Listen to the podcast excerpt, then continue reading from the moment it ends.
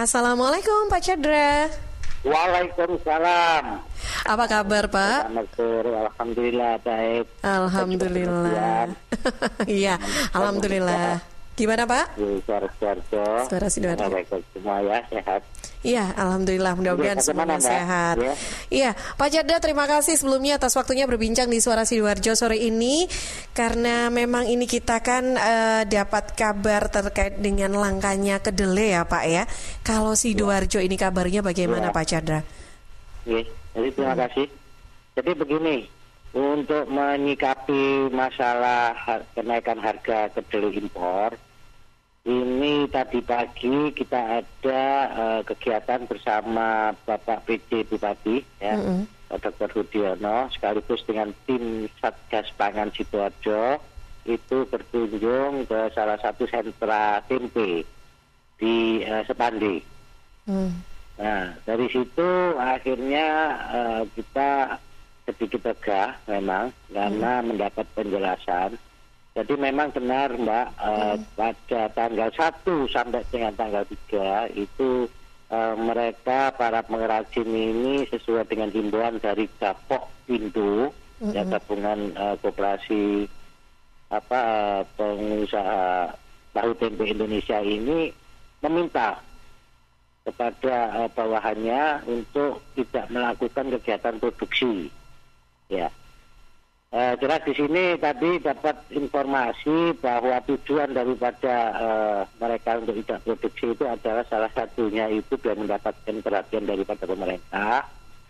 Terus yang kedua dengan adanya itu eh, dengan tidak ada produksi itu diharapkan itu pada hari ini tanggal 4 ini mereka itu bisa mulai memproduksi kembali dan mendapatkan dengan harga yang baru itu. Mm-mm.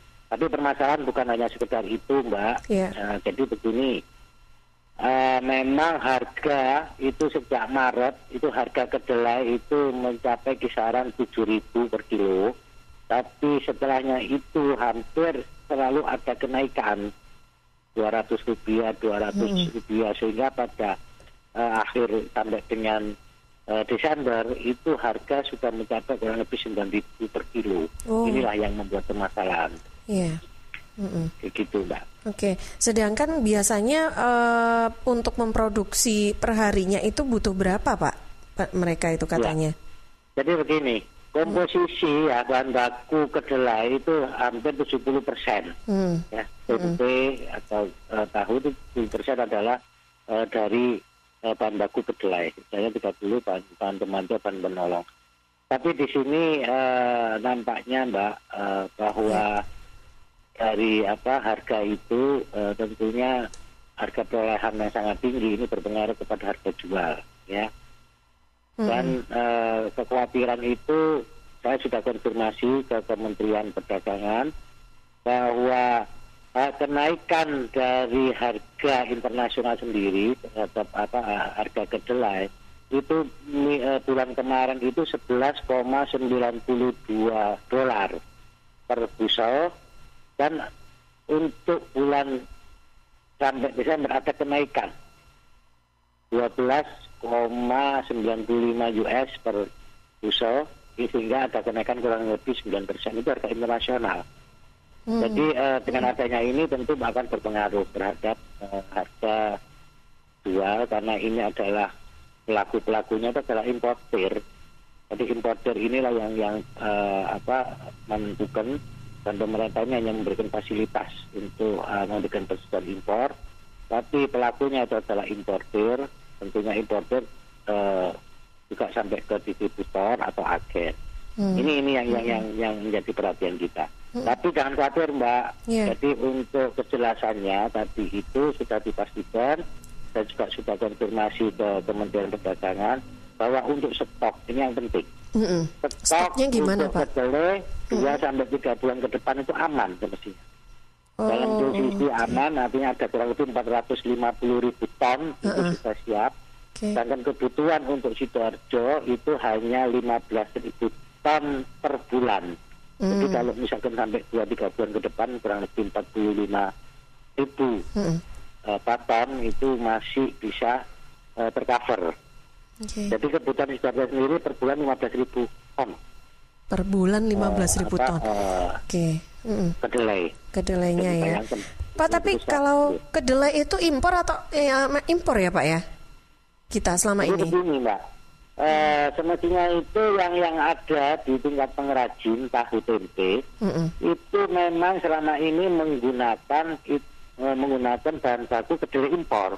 Oh, okay. bukan dalam arti tidak -mm. bisa yang bagaimana dengan yang lokal. Iya. Yang lokal itu uh, bisa pada prinsipnya juga bisa dipakai dan mm -mm. bukan masalah, cuman hanya masalah kontinuitasnya saja. Karena pada saat panen itu bisa didapatkan bahan baku kedelai itu, pada saat tidak panen itu mereka kesulitan.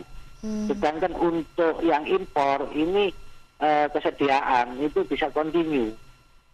Hmm. Artinya itu uh, dari pihak pengimpor atau importer ini bisa hmm. mengatur siklusnya. Hmm. Hmm. Jadi uh, untuk kapan dibutuhkan bahan itu selalu ada.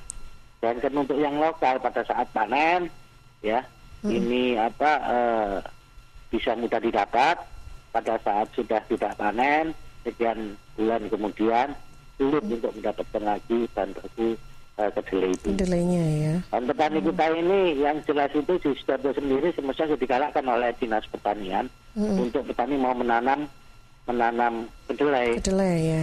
Hmm. Tapi ya itu kembali lagi. Hmm. Uh, saat mereka itu panen raya itu harganya itu istilahnya tidak sesuai, nggak nyuduk. Mm-hmm. Sehingga petani enggan untuk menanam apa kedelai. Ini yang menjadi PR dari dari apa dinas pertanian ya. Mm-hmm. Kapan ini Pak Pak PJ Bupati sudah menyampaikan itu, yeah. menghimbau untuk mempersiapkan lah ke depannya. Apalagi tadi juga dihadiri oleh Bulog. Mm-hmm.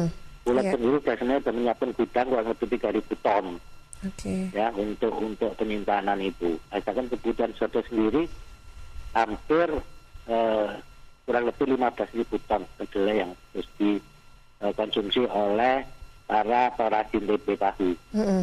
Pak, karena harga kedelai impor ini kan juga pengaruhnya juga dari harga dunia gitu ya Pak. Apakah iya. ada kira-kira apakah ada wacana dari pemerintah untuk memberikan subsidi gitu para bagi para pengrajin tahu tempe ini untuk bisa dapatkan bahan baku ini untuk kedelai Pak? Iya. Harusnya ya Mbak ya, hmm. harusnya. Saya sependapat sekali, tapi ini masih kita komunikasikan. Jadi begini, uh-uh. semestinya permasalahan ini imbas daripada mulai mencairnya ya hubungan yang kemarin itu ada perang dagang antara Amerika dan Cina, hmm. ini sekarang sudah mulai mencair, hmm. sehingga eh, saat sekarang ini Cina mengadakan lagi kontrak dagang untuk pembelian kedelai. Ini sekarang Cina ini mendatangkan itu besar-besaran. Hmm jadi kurang lebih kebutuhannya dua kali uh, dua kali lipat kebutuhan daripada ini yang diimpor dari Amerika juga. Sehingga kurang lebih 70 juta ton itu didatangkan dari Amerika. Sehingga ya uh, yang harusnya itu bisa kemarin kita menerima keuntungan dari adanya perang dagang itu banyak kedelai yang masuk ke Indonesia. Hmm. Tapi setelah adanya ini permintaan ini, saya infonya dari kementerian kok uh, Cina lagi membuat peternakan babi besar-besaran sehingga membutuhkan apa uh, kedelai dalam ini entah untuk pakan campuran pakan atau apa mm -mm. yang jelas ini pengaruh dari itu dan kontainernya mm -mm. yang dipakai untuk impor ini uh, banyak banyak berhenti di sana sehingga oh. uh, Amerika kekurangan kontainer mungkin pengiriman khusus kedelai ini mm -mm. ini informasi okay. tapi dengan dengan mengejarnya itu ya terdampak seperti itu tapi kita tidak khawatir ini sudah mendapat perhatian khusus dari pemerintah pusat untuk tetap bisa mengharapkan para importer untuk bisa melakukan aktivitasnya dengan mengimpor. Ini salah satunya untuk bisa menurunkan harga itu tentunya selain dipengaruhi oleh harga dunia, ya harapannya cuma satu, hmm. itu keran impor dibuka sehingga banyak apa uh, kedelai yang masuk dan bagus ini sehingga akan otomatis sesuai dengan ekonomi tentunya bisa turun. Hmm. Ini harapannya. Yang kedua, mungkin tadi Pak PJ Bupati juga menyampaikan cobalah bicara sama pihak importer yang ada di Surabaya kebanyakan dan Gresik ini bisa diajak bicara kita mendapatkan perlakuan harga yang lebih khusus dan sekarang dikatakan harganya memang 9 ribu mbak lumayan tinggi hmm. 9 ya. ini para para rajin mendapatkan harga kedelai itu mbak hmm -hmm. oke okay. baik Ya Pak, uh, tapi uh, masih istilahnya masih aman kalau untuk masyarakat sidoarjo ya untuk kebutuhan tahu tempe ya untuk pembuatan tahu tempe gitu ya Pak selama berapa bulan ke depan ya. Cuman ya itu uh, Mbak, ya. Mbak Mbak siapa ini? Tika, Tika Pak. Mbak, Mbak Tika. Dengan Tika. Jadi, ya. uh, Mbak Tika, jadi yeah. uh, gini Mbak, hmm. yang jadi problem itu kan akhirnya itu sesuai dengan apa uh, himbauan dari Kapok Indo itu hmm. supaya tidak berproduksi ini harapannya itu setelah tanggal 4 ini, tanggal 1 sampai 3 mereka tidak berproduksi, tanggal hmm. 4 ini mereka produksi tapi dengan harga baru menyesuaikan. Yeah. Kalau lihat dari kenaikan harga ini kan kurang lebih 9 persen sampai dengan 10 persen. Mm-hmm. Jadi memang wajar apabila mereka itu uh, akan menaikkan harga jual tempe mm-hmm. atau tahu, mm-hmm. tapi ya kita himbau lah supaya kenaikannya tadi itu juga Pak Bejo juga menghimbau, yeah. jangan terlalu memberatkan konsumen, mm-hmm. ya, mm-hmm. jangan dalam kesempatan ini diambil untuk bisa apa mengambil keuntungan untuk pengrajinnya sendiri, tapi tidak memperhatikan uh, kemampuan dan kepentingan konsumen. Jadi wajar lah artinya hmm. kalau kenaikan, oke okay, ada kenaikan, tapi tidak hmm. kalau berharap apa keuntungan yang yang wajar itu. Yeah. Sempat dibahas Tapi, tidak Pak Carda tadi kalau misalkan nanti ada dengan harga baru kira-kira konsumen masyarakat ini bisa membeli tahu tempe ini dengan harga kisaran berapa ya Pak? Iya. Jadi uh, apa pun kondisinya ya Mbak Tika ya, ya. namanya tahu tempe ini kan makanan favorit favoritnya nah. kita ya. Saya benar Pak, ya, saya nggak ada tahu tempe nggak enak makannya. Tidak ada tempe tahu ini kok rasanya kurang. Kurang. Enak. Kalau uh. dengan tempe sama sambal kan enak ya Mbak Tika. Iya benar banget. Jadi, jadi ini tidak bisa artinya itu kita mempertahankan kita minta kepada para pengrajin untuk menaikkan harga ya tidak mungkin mm -mm. karena yang kita pun juga ada kenaikan. Iya. Yeah. Tapi yang yang kekhawatiran kita ini satu ya tolonglah dihitung dengan cermat, jangan sampai kenaikan ini memberatkan konsumen. Mm-hmm. Nanti kalau misalnya memberatkan bagaimana dan juga kembali lagi kepada pengrajin. Mm. Kalau mereka hanya bisa produksi nggak ada yang beli gimana mbak Tika mm-hmm. ya kan? Iya. Terus nggak jadi uh, beli tempe mahal atau tahu mahal kita ganti ikan yang lain atau uh, apa uh, membeli ikan yang yang yang mungkin lebih murah ya kan? Mm-hmm kan pindang atau apa itu ya Mbak Tika tapi harapan kami ya ya lah yang wajar namanya juga semua juga naik harganya kan bagus oke itu imbauan kita sih oke okay. juga saya sampaikan ya. supaya jangan sampai terlalu memberatkan mm -mm.